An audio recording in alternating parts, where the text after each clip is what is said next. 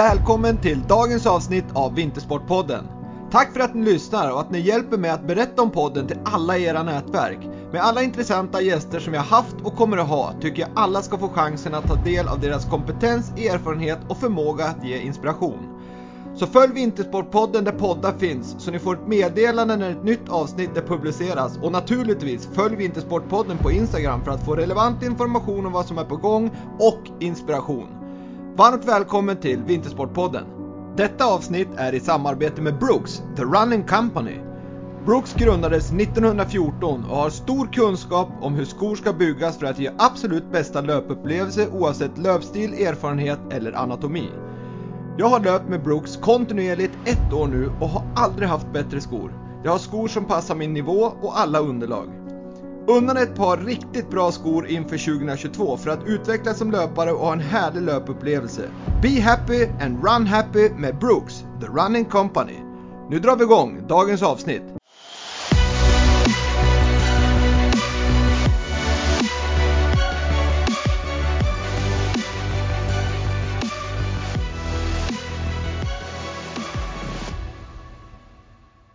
Dagens gäst i Vintersportpodden, den alpina fartåkaren som skadade sig allvarligt och mycket komplicerad knäskada. Men han jobbar för fullt med rehabben. Varmt välkommen till Vintersportpodden, Felix Månsén. Tack så mycket. Tack. Jättekul att ha dig här. Eh, dessvärre så är det ju mindre roligt att du är med för att egentligen så skulle du vara och köra OS och så vidare och inte ha tid med mig. Men nu är du ju skadad, vilket du gjorde då i Val Gardena här innan jul. Men eh, generellt sett, hur är det med dig Felix? Jo, men det är bra. Det är som de första tuffa veckorna är gjorda, så det är ganska skönt. Nu kan jag börja gå lite mer normalt och ja, nej men det, annars är liksom eh, det mentala stadiet är bra, tycker jag. Ja, men vad härligt att höra. Jag tyckte det kändes lite så också när vi snackade här innan att, att du Ja men du, du har ändå modet uppe och, och även om jag förstår att det är tungt vissa dagar här med, med, knä, med knäskadan och kanske också tungt när, när det nu är OS och du tittar på de här fartfantomerna på, på, på TV kanske, då, då kanske det känns extra surt i hjärtat. Ja, jo men så är det ju. Sen är det ju självklart kul att kolla på när de åker också. Det är bra skidåkning och man får ju lite motivation själv att liksom lägga in tiden som krävs för, för att bli bra med den här skadan och vara tillbaka till nästa säsong när man kollar på dem åka. För att man vill ju tillbaka dit och, och kämpa om, eh, om eh, liksom platserna och, eh, i tävlingarna. Så att, eh, nej, det, det är liksom både och där lite. Jag förstår det. Tråkigt men samtidigt eh, också inspirerande. Ja. Nej men det är, det är ju rätt att, att använda det som en inspiration snarare än att, att sitta och vara bitter tänkte jag säga. Men, men vi ska säga det till alla som lyssnar att, att uh, du håller ju framförallt på dem med, med fart här inom den alpina sporten och fart är ju störtlopp, super-G och så åker du en del kombination. Och du har ju valt att specialisera dig på det. Men innan jul här i början av december så var ni i Val Gardena på världscup och på träningen där så skadade du dig ganska allvarligt i knä och när jag pratar allvarligt så är det en främre korsbandsskada, yttre menisken och sen gick hela patellasenan av i knä och patellasenan är ju den stora knäskålsenan man har fram på knä så att det är en ganska rejäl skada. Hur, hur var olyckstillfället där? Ja, alltså det är väl, verkligen olyckligt kan man ju tycka när man ser kraschen också. För att det är inte så mycket till en krasch utan jag gör det i princip i svängen när jag landar. Eh, det är då det händer eh, och det är då jag också får liksom smärtan.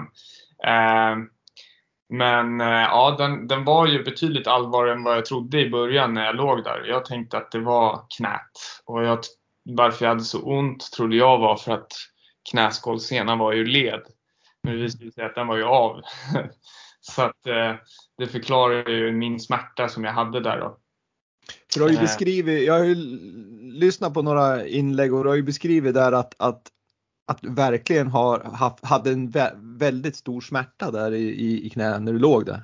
Ja, alltså det var lite panikartat nästan för det, det är som ofta när du kraschar, det har man ju varit med om förut när man gör illa sig. Att eh, det, det gör ju det gör ju ont men sen liksom domnar det lite. Att mm. man eh, Eh, blir van vid svärtan. Men den här liksom byggdes nästan så att den blev nästan värre och värre hela tiden. Och läkarna tog ju lite tid på sig att komma ner. Jag vet inte vad problemet var men han bad ju om ursäkt när han kom. Eh, och då fick jag ju lite smärtstillande men det, det gjorde inte så mycket. Och sen när jag landade med helikoptern nere i mål då fick jag en till dos och sen en till dos. Jag gissar att det var någon sorts morfin. Men till slut så fick de ju ge mig en ganska hård, eh, eh, en ganska liksom stark eh, drog då. Så mm. då försvann jag ju helt och hållet i någon annan värld kan man väl säga. Jag varit ganska hårt drogad. Och då försvann smärtan för då var man ju liksom helt borta. Men eh, det beskriver lite eh, hur ont det gjorde när, när liksom smärtstillande inte riktigt gjorde det det skulle. Jag tänker normalt sett, för jag vet att också, jag har ju själv åkt fart liksom i, i yngre år och, och jag vet ju att när man, när man åker liksom en, en, bra, en riktig störtloppsbana och, och jag vet också att du har sagt det, det att när man kommer i mål och har gjort det oavsett om det har gått bra eller dåligt så har man ju liksom ett rejält rus i kroppen. Mm, och jag, jag tänker lite grann när du vurpade, det var inte så att du hade det här liksom adrenalinkicken eh, i det som ändå dämpar smärtan. Det verkar inte som så. Jo, alltså det är klart att den var också där, skulle jag absolut säga. Eh, då man, för att man var ju ett litet annat, ja, ja men den, den var nog absolut där också. För att det var ju ett sånt åk som det hände, hände en hel del grejer. Jag var liksom inte riktigt åkte inte riktigt efter plan och var lite ute och flaxade och sånt. Så då var det ju lite adrenalinpåslag bara av det då. Mm. Men, men det verkar ju liksom inte ha hjälpt så mycket för smärtstillandet i sig då. För att det var, det var ganska otäck smärta måste jag säga. Men det, ja, det förklarar väl, jag tror Dagge Halvorsen eh, eh, är jag bra kompis med och han smsade med mig under tiden när jag låg där och han hade svårt att tro att det skulle vara patellasenan. För så den görs, alltså patellan är väldigt smärt, eh, eh, vad ska man säga, den gör väldigt ont när man mm. får någon sorts ruptur eller någonting i patellan. Den är ganska ömtålig på så sätt att den gör mm. ont när det händer något. Så han sa att det, det, det känns som att det, den ska nog inte vara av. Men, men det var ju av så att det förklarar väl också varför det gjorde jävligt ont. Då. Åh oh, herregud. Ja och vi ska säga det också, Dagge Halvorsen, han är ju läkare och före detta äh, liksom landslagsläkare för alpina landslaget under många år och mycket erfaren och duktig läkare så att det kan vara bra att veta när vi säger det. Ja. Eh, men Felix, du föddes ju 1994 i Stockholm och eh, mm. åkte för Saltsjöbadens slalomklubb fram till 2006 där ni bestämde er hela familjen faktiskt att flytta upp till Åre för mm. att Utåt sett har man sagt att det var pappa Johan som fick ett nytt jobb som alpinchef på Svenska skidförbundet och ansvarig för den alpina verksamheten. Och där du, ni sedan blev kvar och du eh, gick sedan skidgymnasiet upp i Järpen. Och därför jag säger att din pappa utåt sett fick ett jobb som alpinchef, det var för att så sa ni ju. Men sen har jag hört någon intervju med dig där du sa att det kanske inte riktigt var hela sanningen. Hur, hur var det där liksom? Nej, jag tror det var lite också för att de insåg väl att alla vi var ganska inbitna i det alpina och gillade att tävla. Och eh, då förstod ju, pappa var ju inte dummare än så att han förstod att ja, men då kommer ju skidgymnasierna vara på tal när vi blir äldre. Och, eh, han hade ju gått på Järpen och så visste han väl att det blir lättare för hela familjen egentligen om man bor nära skolan också. Eh, så att eh, tanken var väl lite att, att flytta upp för att underlätta vår sport. Då. Att vi skulle, vi skulle kunna gå på skidgymnasiet och ändå ha nära hem. Då. Mm. Så att, eh, det var väl lite den tanken också, tror jag absolut. Eh, farsan, eh, farsan eh, eh, var väl inte dummare än så. Liksom, att han, dels för att vi skulle ha bättre möjlighet att åka skidor men också för att han kanske också skulle kunna ha lite bättre koll på oss när vi börjar på gymnasiet. Ja, det var bra kanske. Och då ska vi säga det att du har ju tre syskon plus dig då, så ni är fyra barn i familjen, fyra pojkar som alla åkt skidor och alla har gått skidgymnasiet i Järpen va? Ja, precis. Så att ja. allihopa har gått skidgymnasiet plus att pappa din har gått skidgymnasiet. Det är ju helt, liksom, det är ganska unikt det. Men, men hur, hur, om vi ska backa liksom bandet lite grann där så tittar man på svensk skidåkning idag av naturliga skäl så är det ju Stockholmsklubbarna där det kanske har sämst, eller jag ska inte säga att det var sämst förutsättningar. De är ju jätteduktiga att spruta snö nere i Stockholm. De är ju snabb och effektiv. Men backarna är kort och, och, det är små utrymmen och det är många som vill åka vilket gör att, att det är ganska många på liten yta. Mm. Eh, men, men det, nästan flest åkare är ju där nerifrån då och, och kan du beskriva liksom du som är, har varit där och är inne i det. Hur, vad är det som gör att intresset är så stort i Stockholm där det ändå är lite krångligt? Det är mycket åkande och det är ju liksom krävs ju mycket av familjerna. Ja, alltså jag vet faktiskt inte vad, vad man ska säga. Jag, jag, tror ju ett utav det har ju att det är ju också en stor mängd folk nere i Stockholm så att det blir så naturligt att det alltid kommer vara personer som är intresserade av, av till exempel alpin skidåkning. Då. Men sen tror jag också kulturen har funnits i Stockholm i så många år att det är så många som, som åker. Alltså redan på farsans tid var det många Stockholmsåkare.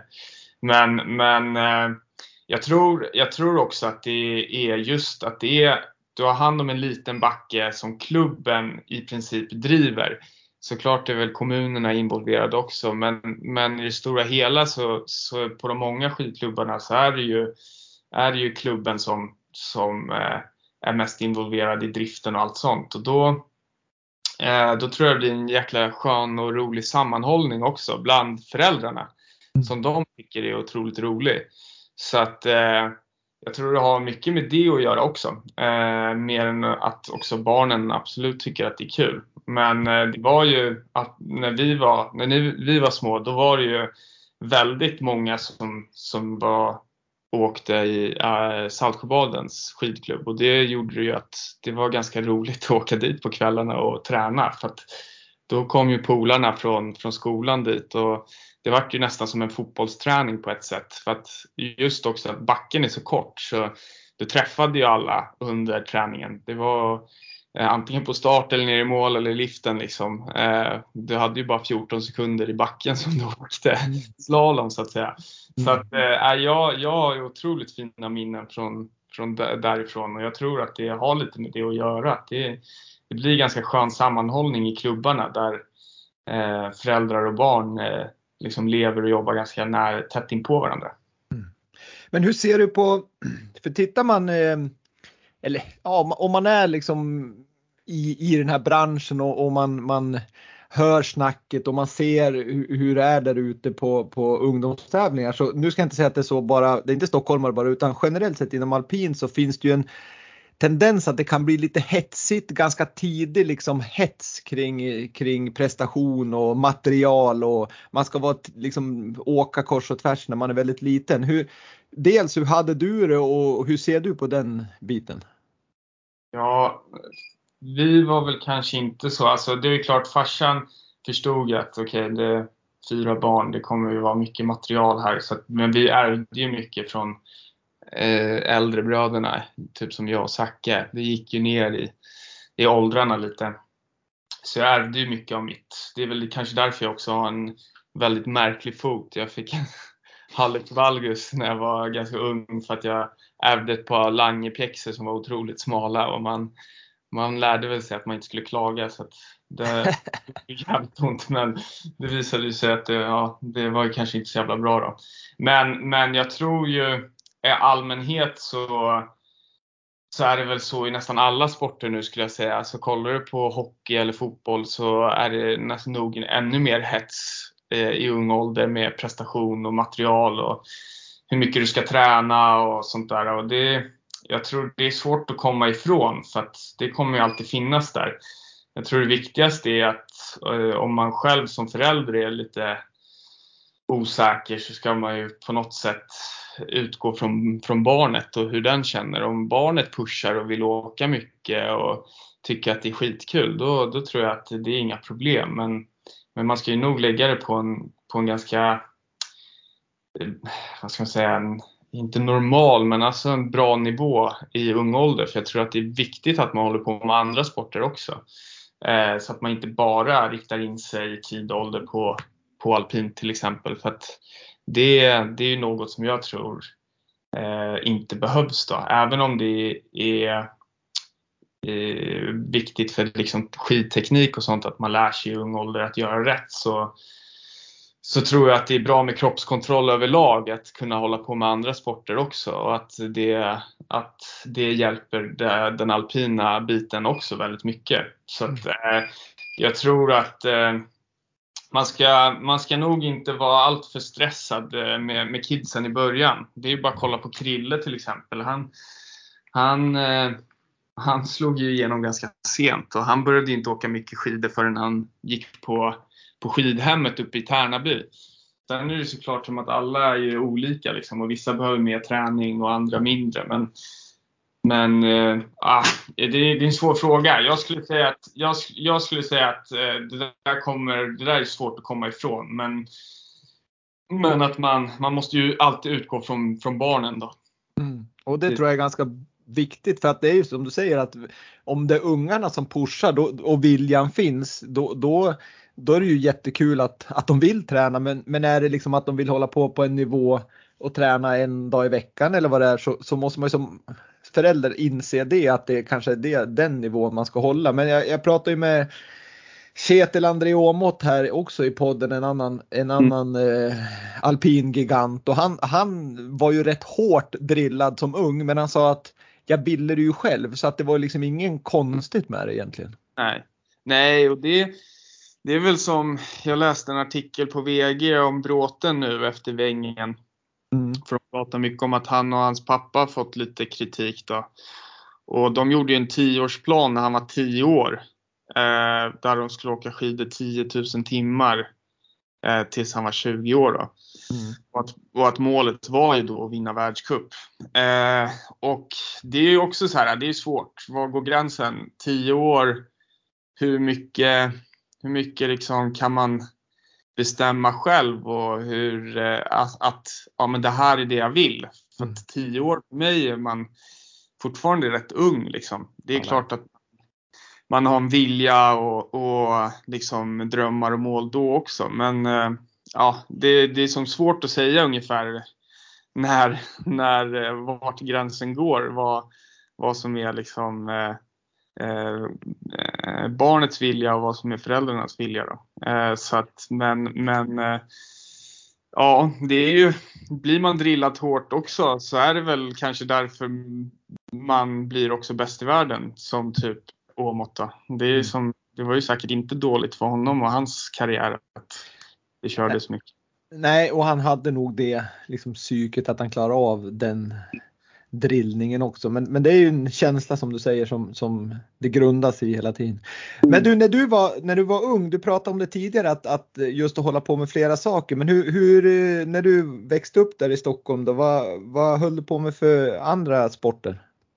Ja, det var rätt körigt där ett tag. Vi höll på med tennis, fotboll, alpint, friidrott och simning under en period. Sen började man liksom gå ifrån några sporter som man märkte att okej okay, nu, nu tappar man intresset här och simningen var ganska tidig. Eh, tidigt liksom bortgång och, och sen också friidrotten efter ett tag. Så då vart det ju mer eh, tennis, fotboll och, och mm. eh, alpint då. Och, och det, känner du nu att du kan ha någon nytta av att du hållit på med fler liksom, idrotter just i, i koordination och, och kroppskontroll?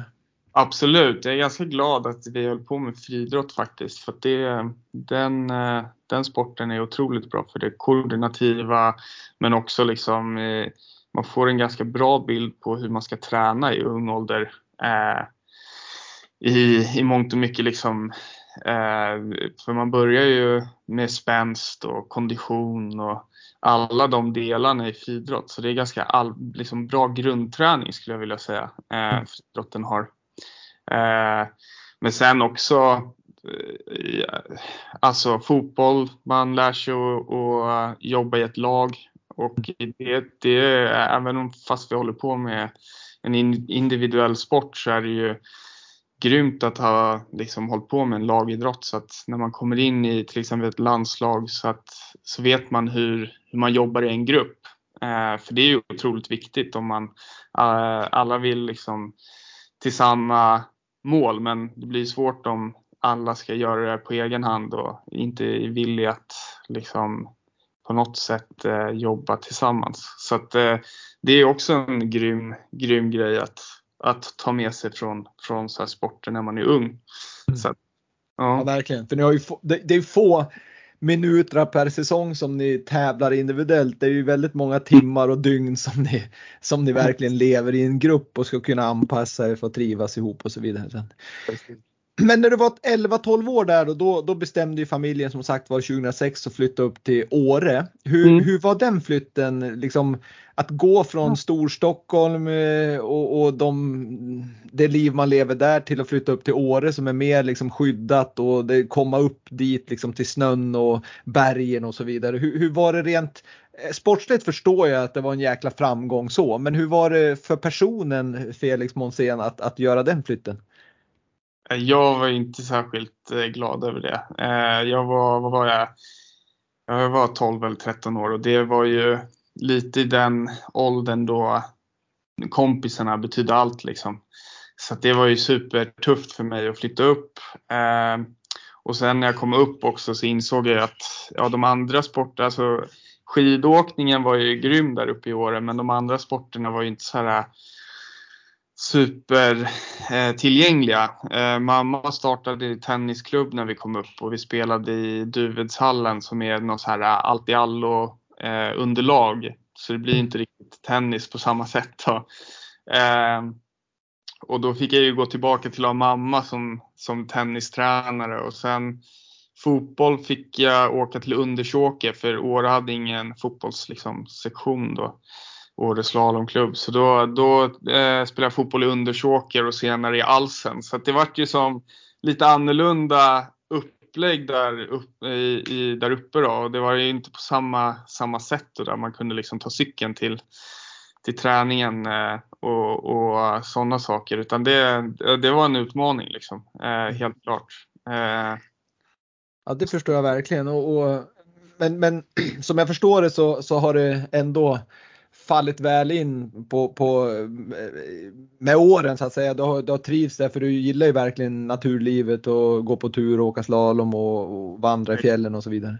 Ja, absolut. Och man lärde ju sig att älska det eh, Åre eh, med tiden och nu är jag väldigt tacksam att vi flyttade upp för att på något sätt, nu är det ingenting mot dem jag växte upp med i, i Stockholm. De är ju, jag är superbra kompis med dem fortfarande och umgås jättemycket med dem. Men, men deras liksom idrottsliga försvann lite med tiden när jag flyttade upp till Åre också. Att, eh, det var andra saker som blev intressanta.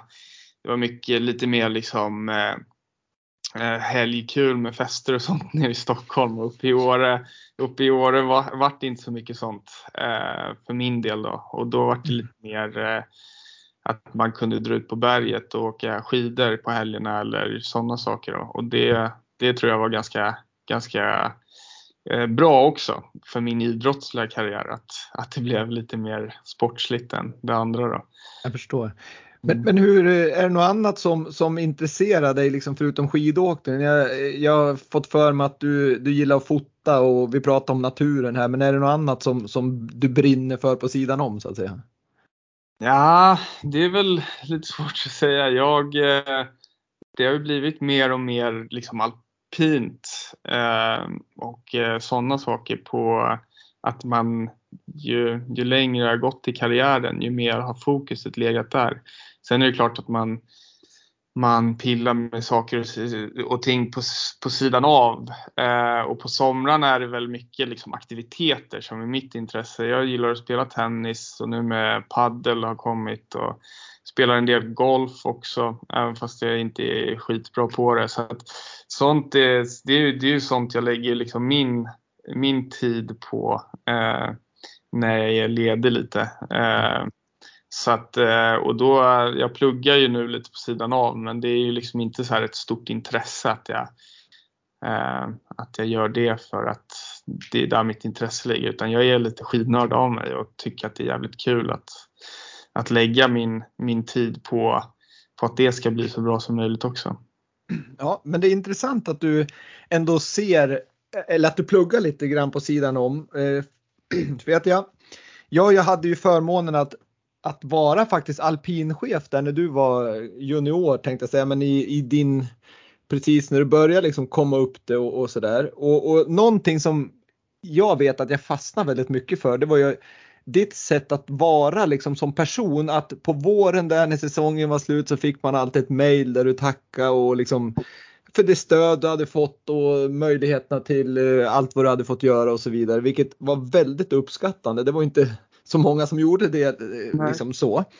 Och, ja. och då tänker jag liksom det är ju en väldigt fin egenskap som, som jag liksom tänker mig framåt i, i din karriär efter skidåkningen. Är det någonting du redan nu, nu, nu hoppas jag att du kommer fortsätta, men jag tänker hur ser du på din framtid? För att med studerandet så, så är det ju också ett sätt att skaffa sig ett annat ben att stå på liksom, så att man inte bara är skidåkaren Felix Månsén.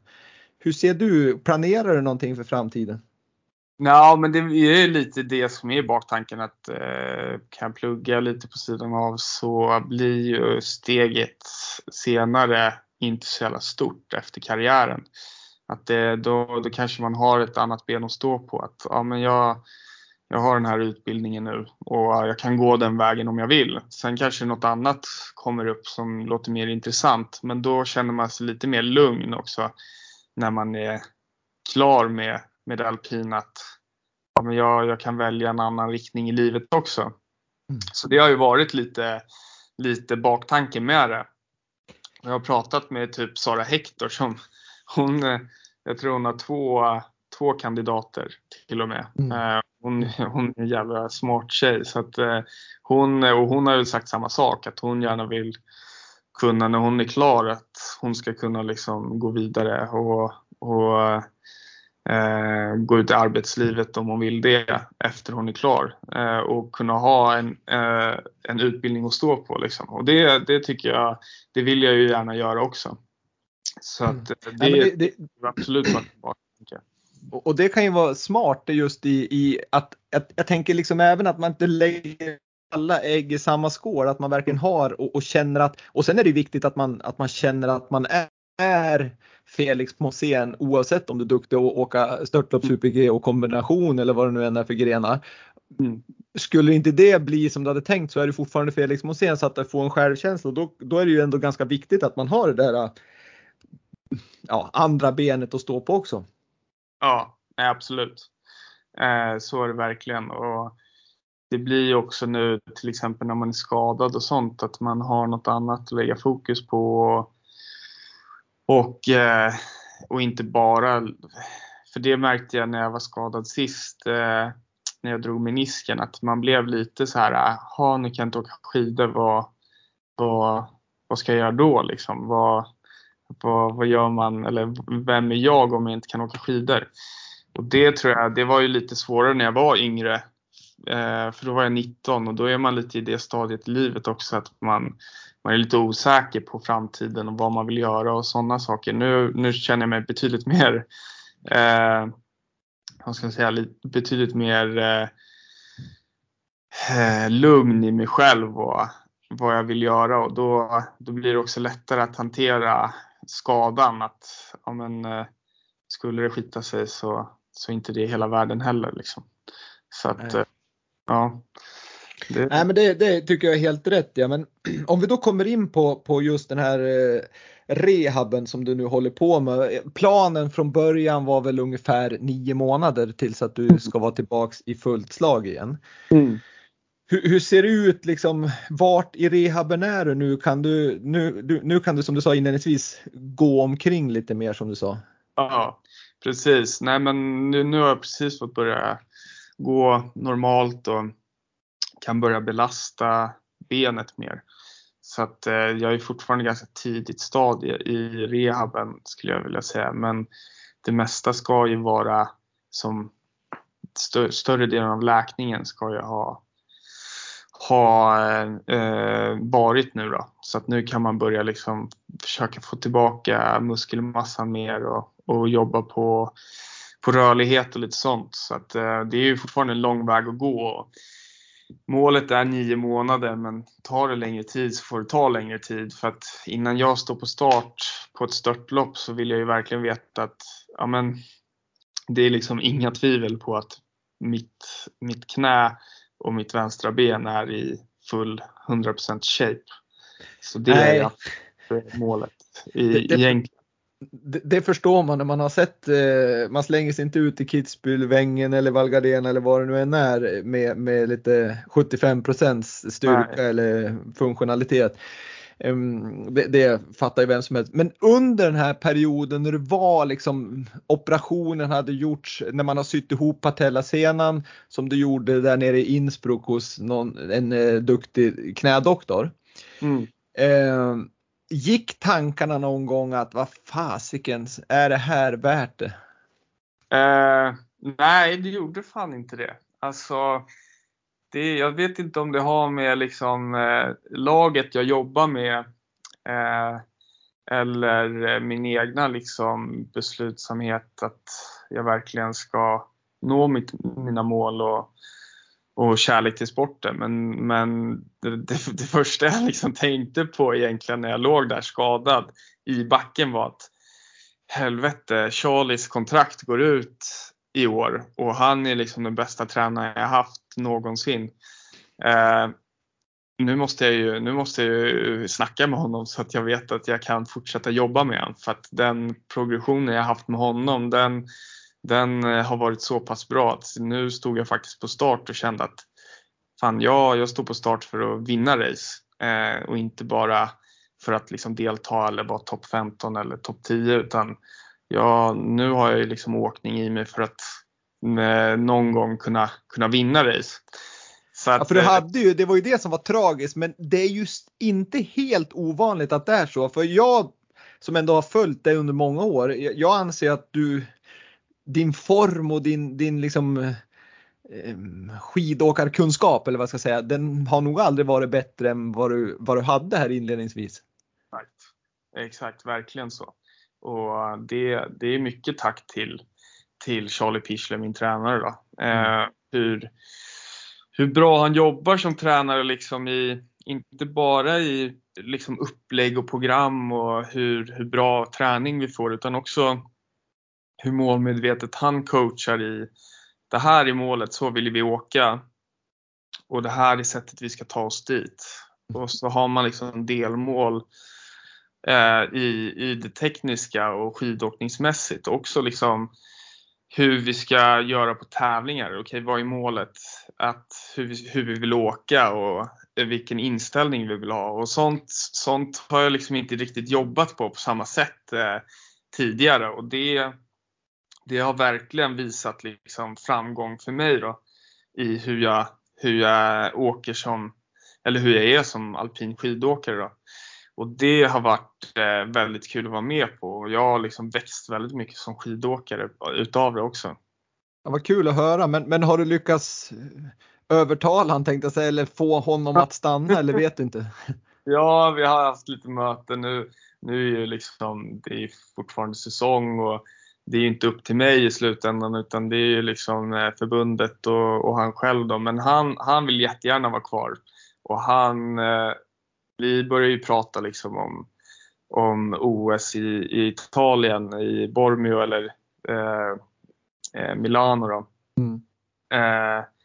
Eh, om fyra år då. Och att vi ska försöka lägga upp en bra plan för det då. Och det, det är ju eh, ganska betryggande att ha pratat med honom om det och känna att ja, men det, han är inte heller klar. Utan han känner att vi har mer att ge och han har mer att ge med vårt lag. Det är superkul. Eh, att han också känner det. Att det är liksom... Verkligen, verkligen. Mm. Du, innan vi går in på, då, då kommer vi direkt in på just din skidåkning. Men innan det så ska vi bara säga att du bor ju sedan en tid tillbaks i Innsbruck. Mm. Och det misstänker jag är för att komma närmare skidåkningen, ha närmare hem när du har tävlat eftersom det ligger ju som nära allting. Exakt. Men när du kör eh, rehaben, har du bra koll på vad du ska göra så att du verkligen får rätt? Både liksom att du får rätt utveckling, att du pushar det så mycket som du kan men även bromsar det för att jag misstänker att går man snabbt fram så behöver man ju även någon som säger men lugn nu, nu ska vi ta det här i rätt ordning. Hur, ja. hur hanterar du det? Kör ni Skype eller Teams-möten eller kör ni att du åker till Stockholm med jämna mellanrum? Jag kör, eh, jag med eh, en terapi eller liksom det heter eh, sportterapi Huber och Mayer där nere i Innsbruck då. Och det är de mm. som har hand om min, eh, min eh, rehab. Och det är en, eh, Alexander Kölls flickvän är ju sjukgymnast och jobbar på den terapin där nere. Eh, och hon är ju med i vårt fartlag ganska mycket under säsongen. Mm. Så, då. Eh, så det är väl hon tillsammans med en kille som heter Florian som har hand om min, min rehab och så är det en fystränare som heter Steff eh, Moser som också jobbar på där som har hand lite mer om min fys då, nu under den här perioden. Mm. Och det, det är fullt upplägg där nere. Eh, jag har väl typ spenderat så här 4 till 5 timmar per dag på den, eh, på den eh, kliniken eh, sen ja, två veckor efter operationen då. Och det är väl de, det är de som liksom eh, lägger upp allt och sen när jag kommer hit så har de bra kontakt med Britta Kockum då som... Knä, hon, har, hon måste ju ha rehabiliterat flest knän, i alla fall alpina knän. det var lite kul. Hon var ju nere i Innsbruck så hon eh, hälsade på mig eh, på kliniken när jag körde lite rehab. Och då eh, pratade vi lite eh, och då frågade jag henne hur länge hon hade hållit på och hon sa ju att hon, hon har ju varit eh, sjukgymnast i 40 år. Och, mm. Eh, och haft en hel del liksom, eh, olika atleter hon har jobbat med så det är lite kul. Eh, och hon, hon sa ju också det att hon var väldigt glad över hur jag hur min liksom rehab ser ut där nere och ja, var superglad över det och det kändes ju betryggande också att hon, hon kände det. Ja, men jättekul att höra att du, att liksom, du är på gott humör och, och rehaben går i, i rätt riktning. Då, då kan vi ju se fram emot att du kanske inte står på start i, i storslalomen i Sölden där i slutet av oktober men, men definitivt att du har varit på snö och kommit igång med träningen ja. i alla fall. Men, men, men, om vi då kommer in på, på dig Felix som, som skidåkare så som du sa så har ju din tränare betytt väldigt mycket. Ni har gjort stora framsteg och du var i väldigt gott slag här inför säsongen. Men om du ska ta det här sista steget, om man tänker från att vara 10 till 15 någonstans där till att bli mm. etablerad topp 5. Det, det, är ju liksom, det är ett stort steg, det fattar ju jag också. Men vad, skulle, vad känner du att du behöver utveckla för att ta det här sista steget upp mot liksom att bli stabil där uppe i toppen? Um Ja, alltså jag skulle absolut säga att det är eh, material. Eh, för det vi kan se egentligen på hela den här försäsongen är att nästan varje träning så har jag varit snabbast oavsett landslag vi åkt med. Förutom kanske när vi åkte med norrmännen och möjligtvis eh, eh, eh, eh schweizarna. Mm. Och eh, och då märker vi att okej, okay, skidåkningsmässigt så åker jag ju som de bästa i världen eh, på lättare backar. När vi kommer till tävlingar så har det ju mycket med hur bekväm du känner dig i störtloppsbacken och där har jag verkligen känt mer och mer att jag börjar bli mer bekväm och vet hur jag ska attackera störtloppen på ett bättre sätt. Jag, jag vet liksom att ja, men här måste jag, här måste jag liksom ta det lite lugnt för att kunna attackera här och så vidare. Ja, så att det, det är ju något som jag tycker att jag verkligen har liksom blivit bättre på och kände att i år så var jag mycket mer listig i den, i, i den eh, delen och den biten att jag, jag, eh, jag hade en mycket bättre plan åkningsmässigt. Men det som har varit lite och det jag tyckte att vi liksom var och nosade på i år var just material och setup. Eh, hur liksom eh, kanterna ska vara hängas, vilken modell man ska åka på skidmässigt och hur liksom pjäxinställningen är och vilken pjäxa man åker på. Och Har du bra stöd från ditt skidmärke där eller liksom får du ja. hålla på mycket själv? Nej men jag tycker att Atomic, Atomic är otroligt eh, liksom, eh, schyssta med att och visa också lite vad de andra åkarna åker på och hur, dera, hur de liksom, kanske deras inställningar på pjäxor är och sånt. Men mycket måste du göra på egen hand också. Det gör jag ju tillsammans med mina tränare och eh, min serviceman Shiga. Då. Mm. Så, och där har vi gjort ett väldigt bra jobb i år. Och det vi ändrade mycket till i år var just skidorna. Att vi gick från eh, att bara åka på en hängning på störtloppslaggen på 1,0 till att åka eh, också med 1,2 då. Och det eh, är ju lite svårare att åka på. För att skidan svarar ju inte lika snabbt. Så man måste vara lite liksom, lugnare då. Lite mer cool. Och det jag ska säga det till de som lyssnar bara att, att hängning det är liksom eh, att, att man inte, att inte skidan är helt plan under utan man, man slipar kanterna lite liksom bort från belag om man säger så. Ja precis, precis. Mm. Så att, eh, och det gjorde ju att det var ju vi var ju inte riktigt där än och det var ju kanske därför jag liksom åkte ut i Beaver Creek också för att vi, vi riskade lite för vi visste att 1,2 är snabbt och att jag är väldigt snabb på, på de lättare partierna med den. Men att det krävs mer av mig som skidåkare i de tuffare partierna. Och det var väl där liksom det misstaget gick och det är väl också lite det vi har diskuterat om det var det som gjorde också att, att det gick eh, som det gick i Val Gardena. Att jag, jag liksom klev på som att skidan skulle reagera snabbare än vad den, vad den gjorde, än vad liksom inställningen var på. Då.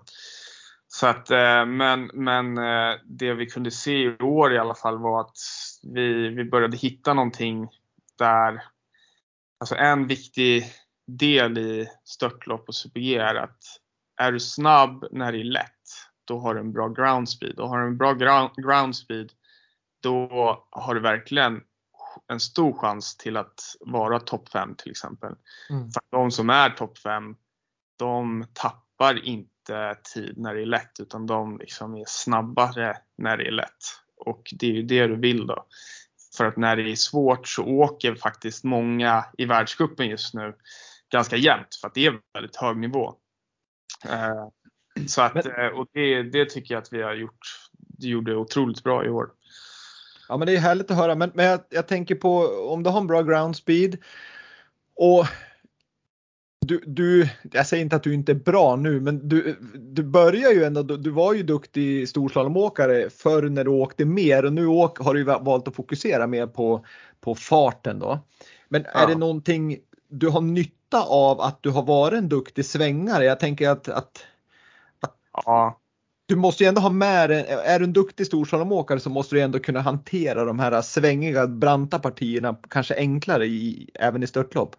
Absolut, allt grundar ju sig egentligen i storslalomtekniken och vi åker ju fortfarande nästan lika mycket storslalom som fart under försäsongen i antal dagar skulle jag nästan vilja påstå. I alla fall till att vi åker till Copper Mountain. Eh, eh, de sista liksom, två veckorna innan, innan världskuppen. Och det, så det är fortfarande otroligt viktigt att man, att man kan åka bra storslalom eh, tekniskt för att det är det som är grunden till sen att jag ska kunna åka bra super-G och, och eh, störtlopp. Mm. Så att eh, den är otroligt viktig och eh, det ser man ju också att det är fler sådana åkare som börjar komma och är bra i, i fart. Så att jag tror att det kommer bli viktigare och viktigare mm. med tiden. Men, att men, man har en grundteknik. Ja precis, men när ni tränar eh, så, så, säger du nu att ni åker mycket storslalom för att liksom, mm. få in det, det, någonstans i grunden där och det kör ni mycket på försäsongen. Men sen då när, när ni ska träna störtlopp så är det ju inte liksom att sätta en slalombana då kan du ju liksom i princip sätta den vart som helst, när som helst av två tränare liksom och sen ja. är man igång. Men mm. fart då är det ju en ganska stor roddning. Det ska nätas och backar ska spärras av och det krävs ju massa folk som står liksom och, och håller koll på såna kanter så att ni inte krockar och så vidare. Ja. Hur, hur, hur tränar ni under säsong liksom om du bortser från träningsåken på tävling? Liksom delar ni upp det i sektioner och bara tränar hopp och nu tränar vi bara de här typerna av svängar eller hur, hur gör ni? Eh, nej, men oftast så blir det kortare träningsbanor liksom, eh, eh, under säsong. Man är ganska nöjd om man får till en 50 sekunder eh, under säsong då, som träning. Eh, och då är det främst super-G man tränar. Störtlopp är otroligt svårt att träna under säsong. Och det får man ta som träningsåken som är, som är den främsta träningen. Eh, och då, då åker man till exempel Hinterreit är ett ganska bra ställe eller vi har tränat i Kytai förut. Eh, och de ligger ungefär på, på en 50 40-50 sekunder och då är det oftast super-G och så kör du gärna med andra nationer då, så att du täcker, täcker området. Eh, så att du har i alla fall en 4-5 tränare som kan, som kan liksom course cleara banan då. Så att, och då är det främst bara sväng i sväng. Att man eh, känner av att position och, och, eh, och att material funkar. Det är liksom det man tränar på under säsong skulle jag vilja säga. Jag tänker där då när ni har samarbeten med andra nationer, det, det är inte som en hysch-hysch att ni liksom, nej men det här kan vi inte visa hur vi gör utan är ni ganska öppen med varandra hur ni, hur ni tränar?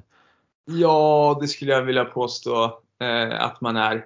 Sen är det ju många som kanske håller vissa saker till sig själv eh, och det kanske är vad för sätt att man, man eh, eh liksom testar och, och tränar på och sådana saker.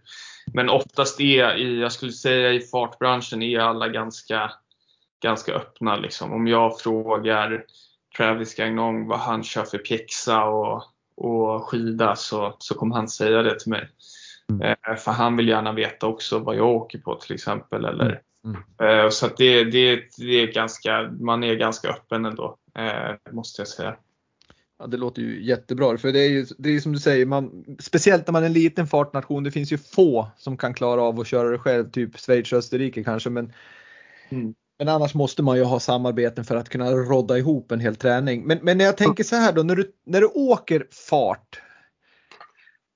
Är du rädd när du står på startlinjen i Vängen eller i Kitzbühel eller har du bara en väldig respekt och, och hur ska man när man känner ändå i, i Kitzbühel som alla har sett förmodar jag som lyssnar på det här att det är ju inte lätt. Hur ska man då vilja bara söka farten liksom? Jag vill åka fortare hela tiden när det egentligen borde skrika in och säga stanna eller bromsa liksom. Nej men eh, jag, jag känner själv främst att den, eh, Eh, det här är också något man har byggt upp genom år av att få åka till exempel Kitzbühel. Men att på start är det fortfarande en obehagskänsla och man tycker att det är jobbigt att stå där uppe eh, från och till. Och det kommer ju tankar om att man är rädd eh, som man bara får acceptera att de finns där. Och det är något som jag i alla fall jobbat på. Att jag accepterar att de finns där men jag kommer inte lägga någon energi på att de kommer. Utan min energi ska läggas på eh, hur jag ska åka banan och framförallt de två första käpparna liksom, eh, som ligger framför mig, eller två första svängarna. Eh, men sen när du väl är i åket, då, då, då är det ganska lätt för mig att liksom komma in i race mode och bara fundera på hur jag ska göra det här på bästa sätt för att det ska gå snabbt. Då. Och det är klart, traversen kanske är, det beror ju på hur du kommer in i den men eh, men lägger du i linje och, och, och, kan liksom följa din plan, då ju lättare blir det att söka farten. Men så fort du liksom kanske är ute och viftar och sånt, då blir det ju lite mer den här överlevnadsinstinkten eh, på vissa störtlopp där du liksom, okej, okay, fuck, jag måste, jag måste reda ut det här, annars kommer det gå riktigt dåligt. Så att det där är lite, lite så här leva i nuet eh, eh, känsla när man åker störtlopp, måste jag säga. Ja, jag, jag förstår det. Men, men, har du någon gång stått på startlinjen och känt så här att shit, hur var det jag skulle åka över den där kanten efter 50 sekunder? Var det lite mer till vänster eller lite mer till höger? För att det kan ju få ganska stora konsekvenser att man kan ju flyga 10 meter eller 80 meter beroende på linjeval. Hur gör ja. du då? Om du skulle känna så, skulle du inte starta då eller tänker du att det får väl gå som det går? Ja, eller då kanske man tar det mer lugnt det partiet för att liksom ta reda på att okej, okay, ja men det, det var så här. Och oftast så är det ju, känner du, får du en sån tanke så är det på träningsåket och då gör det inte så mycket om du tar det lugnt i ett parti som du är osäker på. För du har liksom tid, eller du har eh, utrymme att, att eh, liksom ta den tid, eller ta det åket att känna på det partiet. Men oftast så har du gått igenom banan så otroligt noggrant i huvudet och genom banrapporten. Så eh, om du är osäker så tar du det med den som är på den positionen en extra ja, och frågar. Och sen nu för tiden på, på, på världskuppen är det ju också allting tv-sänt så du kollar ju gärna på några åkare om du, om du inte startar tidigt då. Eh, där du vill liksom se att allting är som det ska. Ja, men det låter bra. Det låter bra. Men en, en sak som du sa där tidigare på, på vad du hade förbättrat lite grann, att, att du blivit liksom mer strategisk eller taktisk mm. i åkningen. Du visste hur du skulle bemästra de här banorna som ni åker. Och, och, jag tänker liksom att många av de här orterna ni besöker är ju återkommande, typ Kitzbühel, Wengen, ja, du kan Valgardena och så vidare. Hur, hur, har ni någon hjälp från, jag tänker liksom från, nu börjar ju du bli rutinerad, men fram till nu har ni haft några mentorer som ni liksom kan ta hjälp av och få de här råden att nej men i Kitzbühel, fjärde svängen där, det är ingen idé att gå jättetajt linje utan ta hellre utan lite grann och så vidare. Har ni några sådana som ni får hjälp av? Nej tyvärr. Jag har väl kunnat haft lite sms-kontakt med, med Hans Olsson då och då. Mm. Eh, typ så här, han har alltid varit jättebra i Val Gardena, så då har man så här, eh, skickat ett sms bara Hans, hur fan åker man Val Gardena bra? För jag har haft mm. problem med den tidigare för att jag inte varit så jävla bra på att glida. Och då, då kanske han har gett lite tips men, men eh, det, man måste på något sätt eh, lita på sin egen instinkt också och hur man vill åka ett störtlopp. Och, tränarna har ju oftast, har en bra tränare. Vi har haft Ulf Emilsson med oss eh, till exempel de två senaste åren och han, han har ju varit på touren så pass länge att han vet ju också vad som, vad som funkar och inte. Mm. Och eh, han är också en sån person man kan råd, liksom eh, ta råd av och, och eh, få hjälp av när det kommer till sådana saker. Så att, men, men det är något som har saknats, absolut. Jag hade gärna velat haft mina första år att Hans hade hållit på längre och kunnat liksom frågat honom. Eh, du Hans, vad, vad gör du i det, eh, liksom i det partiet eller där? Och att han hade kunnat kanske eh, berättat det eller suttit med på någon videogenomgång på kvällen och, och kollat med en. Och det, det är väl något som jag känner att de andra länderna har haft Eh, där jag kunnat se grabbar som jag åkt Europacup med i min egna ålder som har liksom tagit klivet in på världscupen betydligt snabbare just på grund av att de har fått den hjälpen.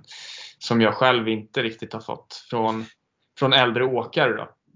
Nej, för jag, då, då kommer vi direkt in på det här det ämnet som, som, som diskuteras väldigt mycket när man lyssnar på TV och när det är tävlingar och så vidare. Och det är just den här om vi tar svensk herrskidåkning just nu så, så pratar man om att det finns återväxten ser liksom lite klen ut. Eh, tar vi på fartsidan så, så, så är det ju definitivt så att det, det, finns ju inte, det kryllar ju inte av massa folk som, som presterar på, på hög nivå. Och, och med det sagt så, så har man ju gjort från skidförbundets sida, det var ju, jag vet inte om det började 2015 ungefär, så började man ju en satsning där på fart på fartsidan som jag inte riktigt är hundra på hur, hur utfallet är. Det ska jag låta vara osagt.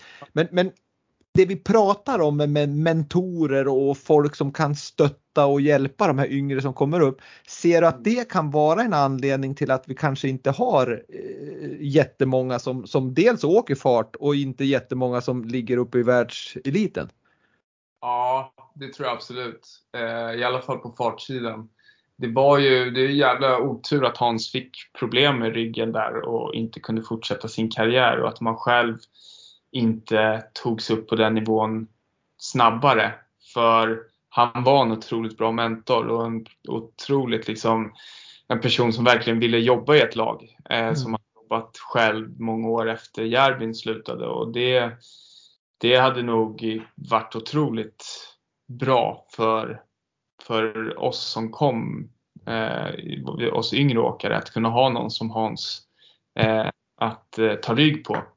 Så att det, är väl, det var en dålig timing men det vi kan se nu, liksom till exempel jag och Alex då, som har åkt en del världscup, när Olle kommer nu och Johan Hagberg som också är med i fartlaget, att de, de, eh, de har ju oss att förlita sig på när de har frågor om, om störtloppen de ska, vi ska åka och Eh, när vi tränar i, i eh, Zermatt eller eh, i Copper Mountain att liksom diskutera med oss bara på besiktning eller uppe på start hur vi, hur vi har tänkt att vi ska åka. Och, ja, det, är, det är mycket som man kan hjälpa varandra med och jag, jag, liksom, jag hjälper gärna de yngre grabbarna som är med och tränar med oss för att jag vet själv hur det har varit och, och jag tror att det är en, en stor liksom, eh, en stor del i varför norrmännen har varit så framgångsrika i fart. För när liksom Svindal kom då fanns ju liksom eh, Åmot och de där grabbarna fortfarande och kunde hjälpa honom. Och sen kom liksom Jansrud eh, strax efter eh, Svindal. De är ungefär tillsammans då. Men sen eh, efter de två så har ju liksom Kilde fått väldigt mycket hjälp av de två giganterna och fått Mm. liksom, ta rygg på dem. Och, nu kommer ju eh, liksom andra grabbar med Adrian eh, också då. Och det, de har varit otroligt bra på det där måste jag säga. Och det, det är något man måste göra om man är en liten fart eller en liten liksom skidnation. Att man måste liksom, vi åkare måste hjälpas åt för att kunna liksom vara med och slåss med de bästa. Och det, det, jag har inget problem att liksom göra det teamworket tillsammans. För att ta mig dit. Nej, och det låter ju jätte liksom superbra liksom inställning från din sida och det tror jag är en definitiv en, en framgångsfaktor att, att man hjälps åt och delar med sig av sina erfarenheter från yng, äldre till yngre och erfarenhet till de som är helt eh, ny och så vidare. För det, det kan vi ju se på Norge att det måste ju, det kan inte vara en slump att för jag menar de är ju inte så många fler än vi som åker skidor, eh, snarare färre kanske och de har ju inte heller någon jättestor skillnad på backar. Jag vet inte hur de liksom får träna där i sina backar men, men i stora hela så ser det ju ganska lika ut.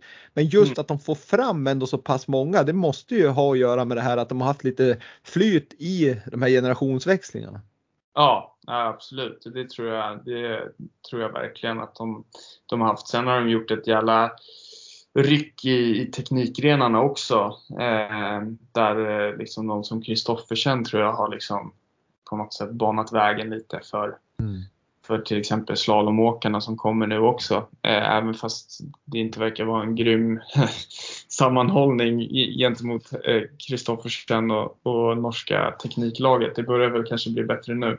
Men eh, eh, och det, det är väl något som jag tror eh, vi verkligen kan ta efter och, eh, och försöka hjälpa de yngre. Och jag vet att Krilla absolut hade gärna velat haft liksom, eh, lagkamrater att åka runt med. Och det är väl lite synd där bara att till exempel någon som William Hansson också är skadad nu och har problem med, med benet. Och Carl Jonsson är väl på väg upp nu men har haft problem med ryggen. Så det är som det är som också lite skadedrabbat som gör att det, det känns tomt just nu Mm. tror jag.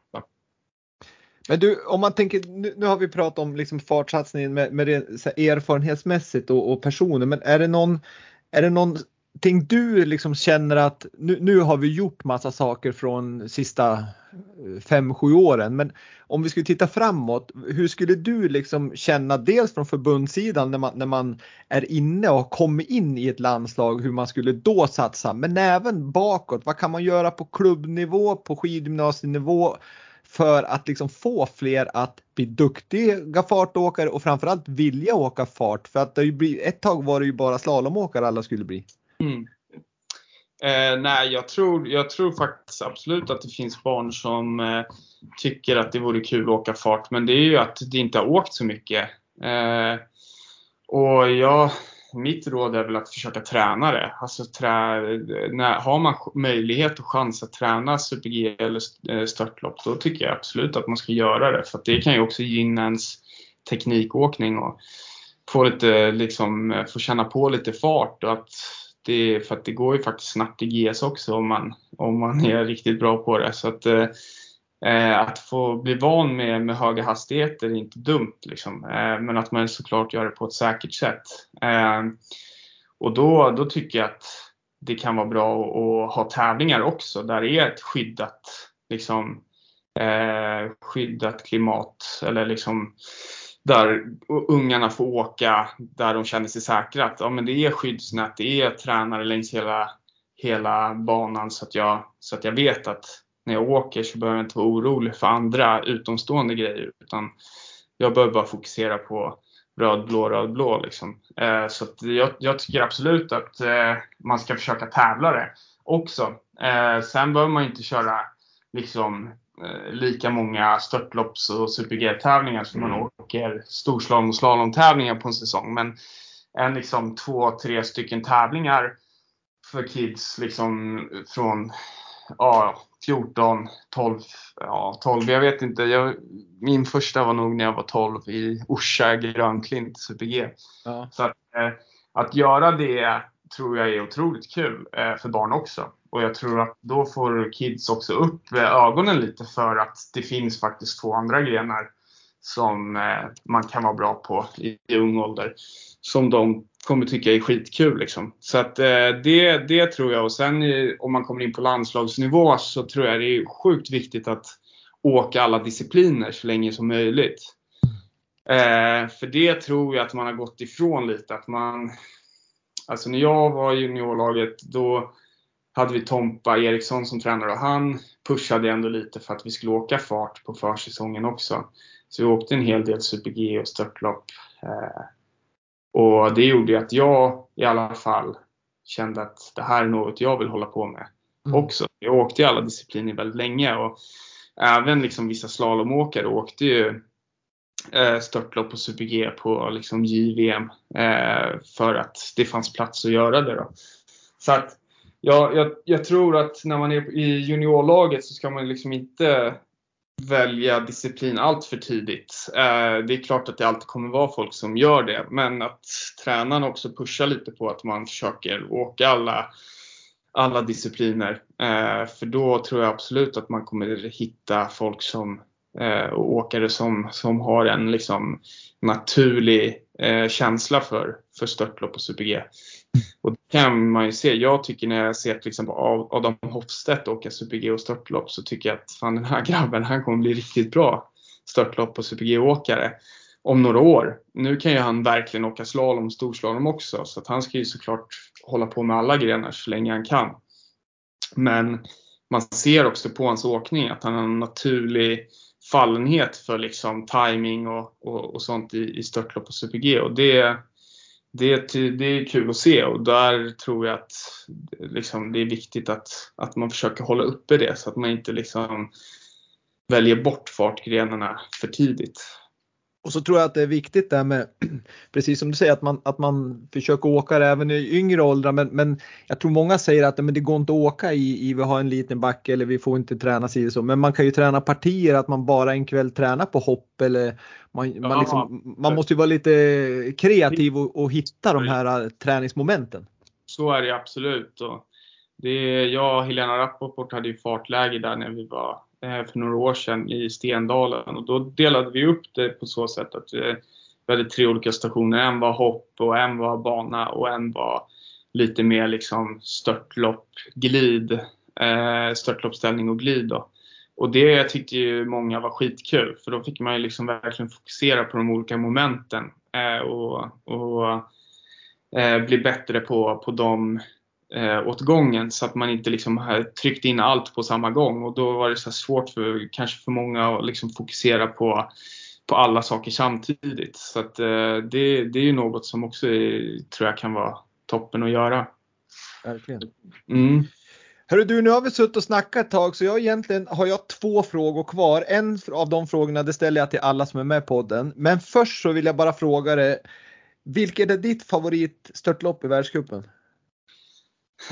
Ja, den är lite svår. Jag, jag har väl någon liksom förkärlek för Bormio eh, just för att eh, jag har gjort bra resultat där. Men jag tycker att det är en rätt rolig backe för att det är, det är mycket sväng, det är liksom eh, eh hög fart och eh, ja, rolig, rolig backe. Sen är den ju också typ den tuffaste. Men jag har ju också alltid tyckt att jag en, har en ganska bra fysisk kapacitet. Så att det har också varit en ganska rolig utmaning att på nedre delen när det är liksom, när det skriker syra liksom i benen och det känns som att man inte kan, eh, kan liksom åka, eh, göra en sväng till så får man liksom visa att eh, den fysiska kapaciteten är liksom bättre än vad man tror och att man kan göra mer än vad man tror när man är så pass trött. Så att eh, jag, jag gillar verkligen Bormio, det, det gör jag. Ja, för den är ju, ja, dels är den bland de längre och så sen som du sa, den, den är väl bland de snabbare också i, i hastighet? Ja, jo, den är övre delen är man uppe i ungefär 150 km i timmen. Eh, så att den är, den är, eh, det, den har det mesta skulle jag vilja säga. Faktiskt. Ja, det, det var, ja det förstår jag. Att det, det är härligt om man, om man lyckas bemästra mjölksyran och stå på benen. Då är det nog en mycket härligt störtlopp. Men du, eh, Felix, innan vi slutar här så ska jag ställa en fråga till dig som jag ställer till alla som är med i Vintersportpodden och den är, kräver ett ganska enkelt och kort svar. Men kan du säga en framgångsfaktor för att lyckas med idrott?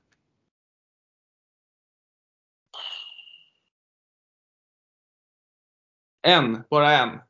Ja, eller ja, ish. jag, skulle, jag, skulle säga, jag skulle verkligen säga att eh, liksom eh, att ha ett... Oh, jävlar, det, det, är svårt, jag skulle vilja säga fler grejer men det är ju absolut, du ska ju, du ska ju tycka om det. Du ska ju, du ska ju verkligen tycka om det och, och eh, ha kul på vägen. Men sen eh, tycker jag också, alltså en otroligt viktig grej, det är disciplin och, och eh, liksom eh, en tydlig målbild. För då blir det så mycket lättare att veta vad man jobbar efter. Och det blir lättare att liksom jobba också om du har disciplinen att, att eh, eh, orka göra de jobbiga passen också.